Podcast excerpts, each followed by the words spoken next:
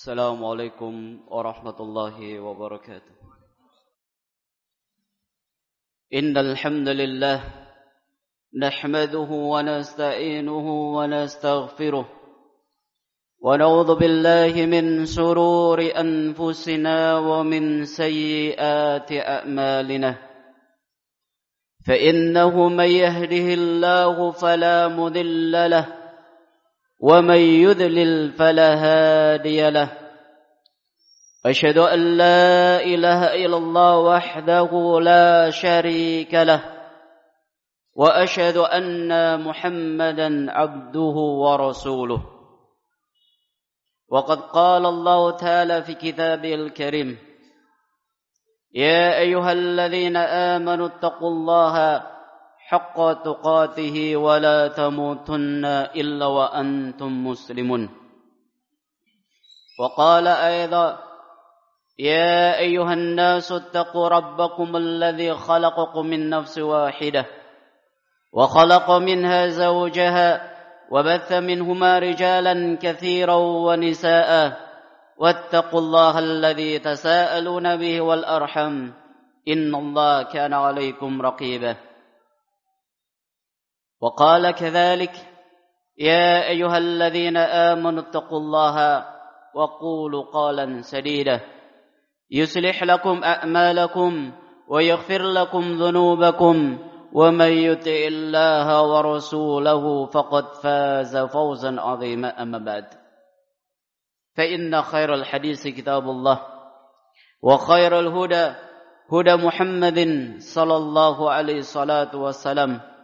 وشار الأمور محدثاتها وكل بدعة ضلالة Sidang Jumat yang berbahagia Di hari yang mulia ini Marilah kita awali dengan lantunan syukur kepada Allah Jalla Jalaluh Yang telah menganugerahkan kepada kita semuanya hidayatul iman dan juga hidayatul Islam Sebagai sumber kebahagiaan seorang anak manusia.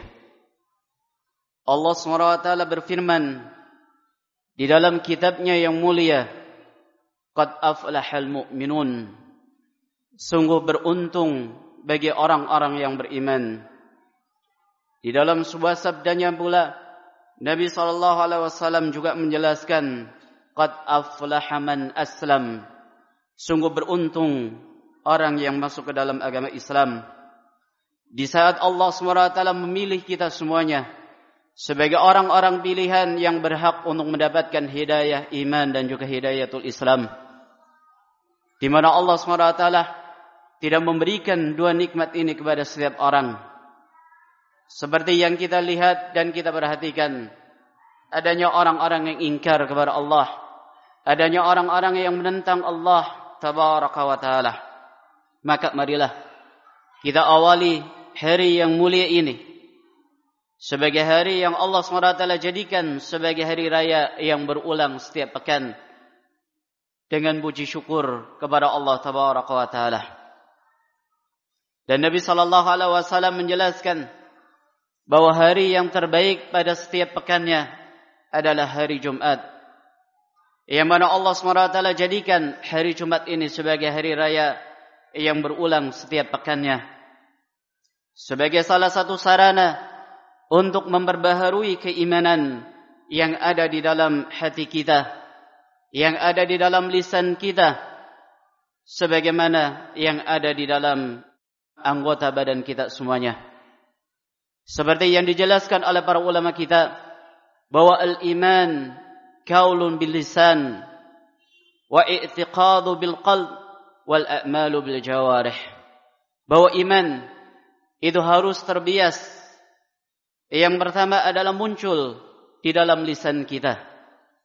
Oleh sebab itu orang yang beriman adalah orang yang senantiasa menjaga ucapan yang keluar dari lisannya.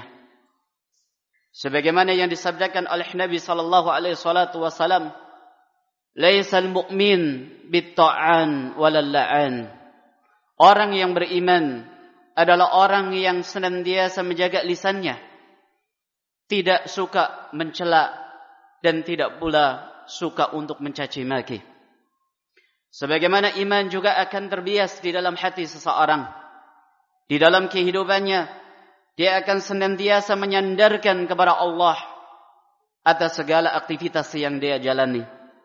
Sebagaimana pula bahwa iman yang dimiliki oleh seseorang juga harus terbias di dalam anggota badannya. Seperti yang disabdakan oleh Nabi sallallahu alaihi wasallam, al-iman bid'un wa sab'una syu'bah. أعلاها قول لا إله إلا الله وأثناء إماطة الأذى عن الطريق والحياء شعبة من الإيمان Kata beliau sallallahu alaihi wasallam bahwa iman memiliki 70 cabang keimanan. Cabang keimanan yang paling tinggi adalah ucapan la ilaha illallah. Dengan kita memahami makna serta kandungan yang ada di dalam kalimat yang mulia ini serta kita harus menjalankan segala konsekuensinya. Kemudian cabang keimanan yang paling rendah adalah menyingkirkan gangguan yang ada di, di jalan. Dan rasa malu yang dimiliki oleh seseorang adalah bagian dari cabang keimanan. Sidang Jumat yang berbahagia.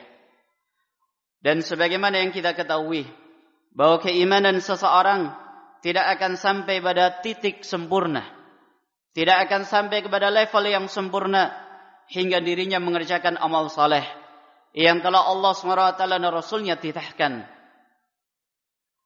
Di dalam surat Al-Asr, Allah SWT telah menjelaskan secara gamblang kepada kita semuanya bagaimana konsep meraih derajat kesempurnaan di dalam keimanan. Allah SWT berfirman, wal asri innal insana lafi khusrin illa alladhina amanu wa amilus salihati wa tawasaw bil haqqi wa tawasaw bis sabar yang artinya demi masa sesungguhnya manusia benar-benar dikelilingi diliputi dengan segala macam bentuk kerugian. Lalu Allah SWT menjelaskan bagaimana kiat agar kita selamat dari kerugian tersebut wa amilu salihat watawasaw bil haqqi watawasaw bis sabr kecuali orang-orang yang beriman dan orang yang melakukan amal saleh serta saling nasihat menasihati di dalam kebenaran dan saling nasihat menasihati di dalam kesabaran. Ada empat perkara yang dijelaskan oleh Allah SWT di dalam suratnya yang mulia ini agar kita bisa menjadi orang-orang yang level keimanannya senantiasa naik. Yang pertama adalah dengan keimanan. Kemudian yang kedua adalah dengan beramal saleh, mengerjakan amal ketaatan. Kemudian yang ketiga adalah dengan dakwah. Kemudian yang keempat adalah dengan sabar. Sidang Jumat yang berbahagia. Dan seorang yang beriman dengan keimanan yang jujur tentu tidak akan pernah merasa puas dengan amal saleh yang telah dikerjakannya. Setinggi apapun prestasi yang telah ia raihnya maka dia tidak akan pernah merasa puas. Dikarenakan impian orang yang beriman adalah bagaimana ia bisa sampai ke dalam surganya Allah Subhanahu wa taala. Sebagaimana yang Allah Subhanahu wa taala perintahkan di dalam firman-Nya agar kita senantiasa saling berlomba untuk mendapatkan surganya Allah Subhanahu wa taala yang sangat luas. Di dalam surat Al-Hadid ayat 21 Allah Subhanahu wa taala berfirman sabiqu ila maghfiratin min rabbikum wa jannatin 'arduha ka'ardis samawati wal ard 'iddat lil ladzina amanu billahi wa rasulih yang artinya berlomba-lombalah kalian untuk menggapai ampunan Allah tabaraka wa taala dan juga untuk menggapai surganya Allah yang luasnya seluas langit dan bumi. Yang itu semuanya diperuntukkan bagi orang-orang yang beriman kepada Allah dan juga para rasulnya. Untuk itulah Allah SWT memperbolehkan kepada kita semuanya untuk saling bersaing sebagaimana yang Allah SWT perintahkan di dalam firman-Nya dzalika falyatanafasil mutanafisun di dalam surat al-mutaffifin ayat yang ke-26 Allah SWT menjelaskan untuk hal itulah untuk mendapatkan surga Allah SWT yang disebutkan di dalam ayat yang di atas tadi yang luasnya seluas langit dan bumi. Maka hendaknya kalian saling bersaing. Inilah persaingan yang benar yang diperbolehkan oleh Allah dan juga Rasulnya. Yaitu kita senantiasa bersaing di dalam masalah akhirat. Dan bagaimana bentuknya? Yaitu pada saat kita mendapatkan ada saudara kita yang telah mampu melakukan amal saleh, maka hendaknya kita pun bersegera untuk bisa mengerjakannya. Pada saat kita menjumpai ada rekan kerja kita yang sudah mampu bisa membaca Al-Quran secara tertil, secara baik dan benar, maka kita pun berusaha untuk bisa menyaingi dirinya.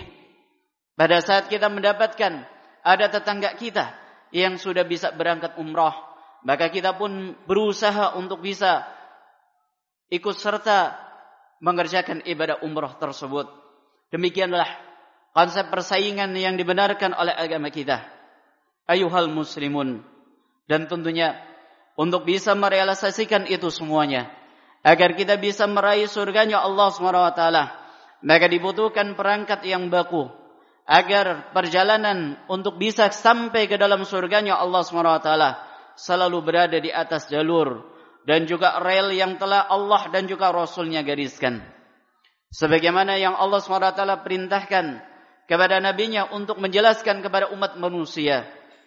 Di dalam firman-Nya Allah SWT memerintahkan kepada nabinya yang mulia, "Qul sabili ad'u ila Allah ala basiratin ana wa man ittaba'ani."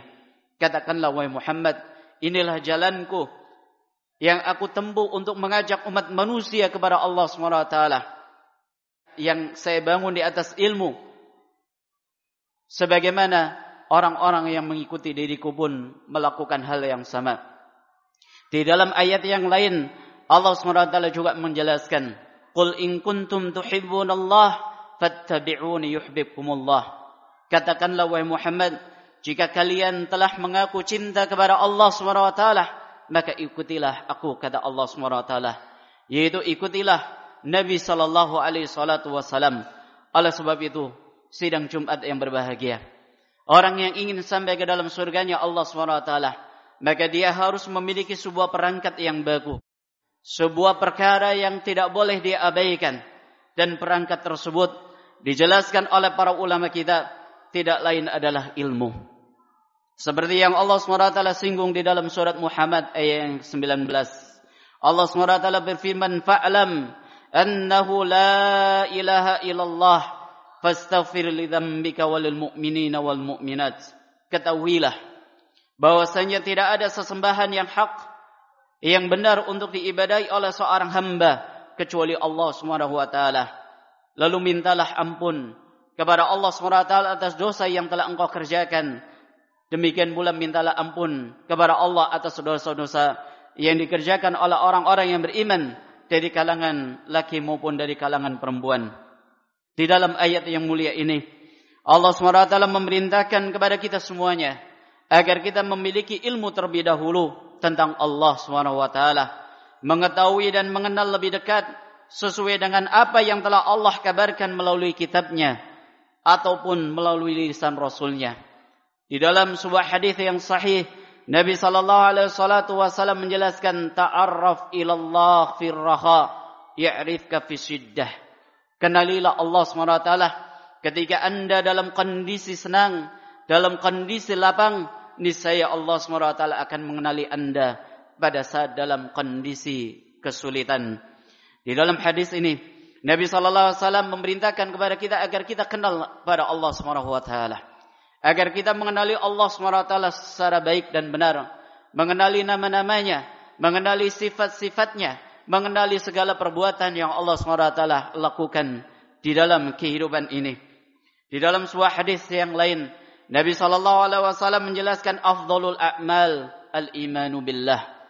Dalam hadis yang diriwayatkan oleh Imam Muslim, Nabi SAW menjelaskan bahawa sebaik-baik amal ketaatan yang dikerjakan oleh seorang hamba adalah beriman kepada Allah Subhanahu wa taala. Untuk itulah agama kita menjadikan belajar sebagai sebuah kewajiban yang bernilai ibadah. Yang mana hal itu tidak kita jumpai di dalam ajaran agama yang lain. Dalam hadis yang diriwayatkan oleh Imam Ahmad, Nabi sallallahu alaihi wasallam bersabda, "Talabul ilmi fardhatun ala kulli muslim." Belajar mengetahui tentang syariat Allah Subhanahu wa taala, mengenali ajaran Allah Subhanahu wa taala, mengetahui tentang bagaimana tata cara salat, bagaimana tata cara berpuasa yang baik dan benar, bagaimana cara kita membangun sebuah rumah tangga yang harmonis sesuai dengan ajaran Nabi sallallahu alaihi wasallam maka ini merupakan bagian daripada kewajiban bagi setiap muslim. Maka pada saat kita belajar ilmu agama mengetahui tentang hukum-hukum Allah mengenali syariat Allah Subhanahu wa taala maka ini merupakan sebuah kewajiban. Yang maknanya berarti pada saat kita mengabaikan itu semuanya kita tidak memperdulikan bagaimana tata cara salat kita bagaimana tata cara wudu kita bagaimana konsep keluarga yang benar, bagaimana cara kita mendidik anak, bagaimana kita berinteraksi bersama orang lain. Pada saat kita mengabaikan itu semuanya, lalu kita lebih bangga meniru dan mengikuti gayanya orang-orang barat dan orang kafir, maka kita telah melakukan sebuah perbuatan dosa. Dikarenakan Nabi sallallahu alaihi wasallam menjelaskan talabul ilmi fardhatun ala kulli muslim. Dan apabila kita perhatikan ada begitu banyak anjuran serta motivasi agar kita banyak belajar ilmu agama. Di dalam hadis yang lain yang diriwayatkan oleh Imam Muslim, Nabi sallallahu alaihi wasallam bersabda, "Man salaka tariqan yaltamisu fi ilman, sahalallahu lahu bi tariqan ilal jannah." Barang siapa menempuh suatu jalan yang tujuannya adalah dalam rangka untuk mencari ilmu, dalam rangka ingin mengenal Allah, dalam rangka ingin mengetahui tentang ajaran Rasulnya, maka Allah SWT akan memberikan kemudahan baginya jalan menuju surga. Di dalam hadis yang lain, Nabi SAW menjelaskan bagaimana keutamaan antara orang yang berilmu dengan orang yang rajin ibadah. Di dalam hadis, Nabi SAW menjelaskan fadlul alim alal abid kafadil qamari laylatul badri ala sairil kawakib. Keutamaan orang yang berilmu dibandingkan dengan orang yang ahli ibadah maka bagaikan keutamaan bulan di bulan purnama dengan bintang kemintang yang ada di langit. Ini menjelaskan kepada kita semuanya bagaimana keutamaan orang yang berilmu orang yang memahami tentang bagaimana tata cara puasa yang benar bagaimana tata cara wudu yang benar itu jauh lebih utama dibanding dengan orang yang rajin ibadah. Dibanding dengan orang yang rajin membaca Al-Qur'an dibanding dengan orang yang rajin membaca salawat, dibanding dengan orang yang rajin berzikir kepada Allah SWT. Dikarenakan pada saat kita akan mengerjakan ibadah, tentunya kita dituntut untuk mengetahui bagaimana tata cara beribadah yang benar. Di mana kita diajarkan oleh para ulama kita bagaimana konsep kita di dalam beribadah. Imam Bukhari mengatakan al-ilmu qabla al-qawli wal amal. Bahwa ilmu harus kita miliki terlebih dahulu sebelum kita beraktivitas melakukan ketaatan dan sebelum kita berkomentar, sebelum kita berkata, ini merupakan sebuah prinsip yang harus dimiliki oleh seorang muslim pada saat dia ingin sukses menggapai surganya Allah SWT. Ibadah Allah. Namun, apabila kita perhatikan pada realitanya, tidak jarang dalam dunia belajar, kita dihadapkan pada benteng yang kokoh yang bernama malas di dalam beramal. Di mana pada saat kita perhatikan di dalam kehidupan kita. Di fase yang pertama telah banyak kita lalui. Kita belajar, kita menghadiri majelis taklim, kita membaca serta seabrek sarana yang lainnya dalam rangka untuk mendulang ilmu. Itu semuanya telah berhasil kita lalui. Namun pada fase yang berikutnya banyak yang gagal di antara kita. Coba perhatikan antara ilmu dan amal yang kita kerjakan. Sudah sebandingkah ataukah justru masih timbang? Pada saat kita mengetahui ilmu sudahkah kita amalkan ilmu tersebut? Coba kita bandingkan dengan ilmu yang telah kita miliki dengan amal perbuatan yang kita telah kerjakan. Pada saat kita mendapatkan banyak faedah di dalam kehidupan ini dari para guru kita. Pada saat kita senantiasa mengikuti majelis taklim di sana dan di sini. Sudah berapa banyakkah ilmu yang telah kita amalkan? Pada saat kita berinteraksi bersama keluarga, pada saat kita berinteraksi bersama tetangga, pada saat kita bekerja, pada saat kita mencari nafkah, sudahkah semuanya kita amalkan dari konsep-konsep kebaikan, dari teori-teori kebaikan yang diajarkan oleh Allah dan juga Rasulnya. Apakah ilmu yang telah kita miliki sudah kita amalkan di dalam kehidupan ini? Atau masih jarang di antara kita mengamalkan ilmu yang telah kita miliki. Dikarenakan banyak di antara kita yang telah memiliki ilmu akan tetapi hanya dijadikan sebagai wawasan semata dan dijadikan sebagai bingkai penampilan. Padahal Allah SWT sangat mencela orang-orang yang melakukan demikian. Di dalam firman-Nya Allah SWT berfirman, Ya ayuhalladzina amanu, lima taquluna ma la taf'alun. Kabura maktan indallahi an taqulu ma la taf'alun. Wahai orang-orang yang beriman, kenapa kalian mengucapkan sebuah ucapan yang tidak kalian kerjakan? Maka sungguh besar kedustaan Allah, kedustaan di sisi Allah SWT bagi orang-orang yang mengucapkan apa yang dia tidak kerjakan. Surat Saf ayat yang kedua dan ayat yang ketiga. Dan para ulama kita juga memberikan nasihat bagaimana bahwa tujuan inti pada saat kita mempelajari ilmu adalah kita bisa beramal dengan baik dan benar. Sebagian ulama memberikan nasihat hatifil ilma bil amal wa illa irtahala. Barengilah ilmu yang telah anda miliki dengan amal kebaikan. Karena apabila kita lakukan hal yang seperti itu, maka itulah maksud di dalam kita belajar. Akan tetapi, pada saat kita abaikan, pada saat kita tidak pedulikan, ilmu yang telah kita miliki lalu tidak kita amalkan maka sedikit demi sedikit akan meninggalkan kita semuanya ibadallah ittaqu rabbakum wa sallu khamsakum wa summu syahrakum wa adu zakata amwalikum وأطيعوا ذا أمركم تدخلوا الجنة ربكم. بارك الله لنا ولكم في القرآن العظيم وذكر الحكيم. أقول ما تسمعون واستغفر الله العظيم لي ولكم ولسائر المسلمين والمسلمات. فاستغفروه إنه هو الغفور الرحيم. الحمد لله رب العالمين. حمدا كثيرا طيبا مباركا فيه كما يحبه ويرضاه.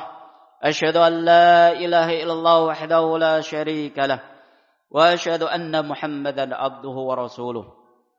اللهم صل وسلم وبارك على سيدنا محمد وعلى آل سيدنا محمد. اللهم بارك على محمد وعلى آل محمد كما باركت على إبراهيم وعلى آل إبراهيم إنك حميد مجيد. Sidang Jumat yang berbahagia Antara ilmu dan amal Adalah sebuah realita Yang tentunya ada banyak faktor Serta solusi pendukung Yang harus senantiasa kita cari Untuk mengatasi masalah yang satu ini dan para ulama kita telah menjelaskan di dalam buku-buku mereka bagaimana solusi yang harus kita berikan pada saat kita telah mengetahui ilmu. Pada saat kita menghadiri majlis taklim, pada saat kita mempelajari ilmu agama. Yang tidak lain adalah dengan meluruskan niat pada saat kita belajar. Dan Imam Ahmad pernah menjelaskan bagaimana niat yang benar di dalam belajar itu dalam rangka menginginkan agar kejahilan, agar ketidaktahuan yang ada dalam diri kita menjadi hilang. Itulah niat yang benar di dalam kita belajar. Itu dalam rangka menghilangkan kebodohan yang ada di dalam diri kita. Kemudian solusi yang kedua adalah dengan melihat serta menggunakan metode belajar yang digunakan oleh para ulama kita. Sahabat Abdullah bin Mas'ud radhiyallahu taala anhu menjelaskan bagaimana metode belajar yang ditempuh oleh para sahabat di dalam sebuah riwayat beliau mengatakan kunna la natajawwasu ashra ayat hatta nata'allamahunna wa na'mala bihinna wa haramahunna kata beliau kami para sahabat maka tidak akan melampaui 10 ayat yang telah diajarkan oleh Nabi sallallahu alaihi wasallam hingga kami mengetahui hingga kami memahami kemudian kami praktekan, kami amalkan kandungan dari sepuluh ayat tersebut. Hingga pada akhirnya, fa'utinal ilma wal amal. Hingga Allah SWT mengaruniakan kepada kami ilmu dan juga amal saleh yang diterima oleh Allah SWT. Maka marilah kita coba rubah gaya dan cara di dalam kita belajar. Pada saat kita mengetahui teori-teori kebaikan dari para guru kita. Maka marilah jangan jadikan teori kebaikan tersebut hanya sekedar sebagai wawasan. Atau hanya sebagai penampilan kita semuanya. Akan tetapi marilah kita jadikan ilmu yang telah kita ketahui. Kita amalkan. Dan kita praktekkan di dalam kehidupan sehari-hari kita. Semoga kita menjadi orang-orang yang apabila mendengarkan kebaikan. Segera bisa mengamalkan di dalam kehidupan ini. Akhirnya marilah kita bersalawat kepada Nabi sallallahu alaihi wasallam. Sebagaimana yang Allah SWT perintahkan di dalam firman-Nya, "Innallaha malaikatahu yusalluna 'alan nabi, ya ayyuhalladzina amanu sallu 'alaihi wa sallimu taslima." Dan sebagaimana yang Nabi sallallahu alaihi wasallam anjurkan kepada umatnya untuk senantiasa membasahi lisan dan bibirnya untuk bersalawat kepada beliau dan Nabi sallallahu alaihi wasallam menjelaskan keutamaan bagi orang yang mau bersalawat kepada beliau di dalam sabdanya, "Man shalla alayya salatan wahidah, sallallahu alaihi wa asra." Barang siapa yang bersalawat kepadaku satu kali, niscaya Allah SWT akan membalasnya sebanyak sepuluh kali. Allahumma salli ala Muhammad wa ala ali Muhammad kama sallaita ala Ibrahim wa ala ali Ibrahim innaka Hamidum Majid. Allahumma barik ala Muhammad وعلى آل محمد كما باركت على إبراهيم وعلى آل إبراهيم إنك حميد مجيد اللهم اغفر للمسلمين والمسلمات والمسلمين والمسلمات الأخواء منه والأموات. اللهم ربنا لا تصي قلوبنا بعد إذ هديتنا وهب لنا من لدنك رحمة إنك أنت الوهاب. اللهم إنا نسألك علما نافعا ورزقا طيبا وعملا متقبلا. اللهم إننا نعوذ بك من علم لا ينفع ومن دعاء لا يستجب ومن قلب لا يسبع اللهم ربنا فر لنا ولإخواننا الذين سبقونا بالإيمان. ولا تجعل في قلوبنا خلل الذين آمنوا. ربنا إنك رؤوف رحيم. اللهم أصلح ولاة أمورنا بما تحب وترضى. اللهم أصلح ولاة أمورنا بما تحب وترضى. اللهم أصلح ولاة أمورنا بما تحب وترضى. اللهم انصر إخواننا مستضعفين في سوريا. وفي العراق وفي يمن وفي رحينيا وفي فلسطين وفي كل مكان يا رب العالمين. اللهم انصرهم يا رب العالمين. اللهم ربنا آتنا في الدنيا حسنة وفي الآخرة حسنة وكنا عذاب النار. وآخر دعوانا أن الحمد لله رب العالمين. وصلى الله على نبينا محمد وعلى آله وأصحابه ومن تبعهم بإحسان إلى يوم الدين أقيموا الصلاة.